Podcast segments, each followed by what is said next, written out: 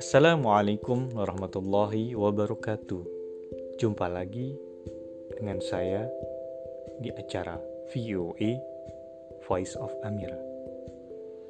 Ada tiga golongan ulama menurut Imam Al-Ghazali dalam kitabnya Al-Ihya menulis bahwa ulama terbagi menjadi dalam tiga golongan, yaitu ulama yang pertama mencelakakan dirinya sendiri dan mencelakakan orang lain, yaitu ulama yang menuntut kelezatan duniawi.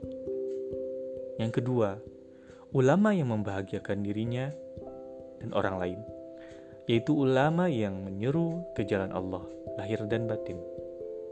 Yang ketiga, ulama yang mencelakakan dirinya sendiri dan membahagiakan orang lain, yaitu ulama yang menyerukan kepada kebahagiaan akhirat dan zahirnya menolak dunia, padahal tujuan batinnya ingin menegakkan pengaruh dan kedudukan dirinya.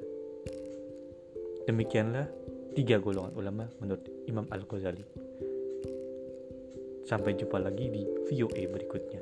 Assalamualaikum warahmatullahi wabarakatuh.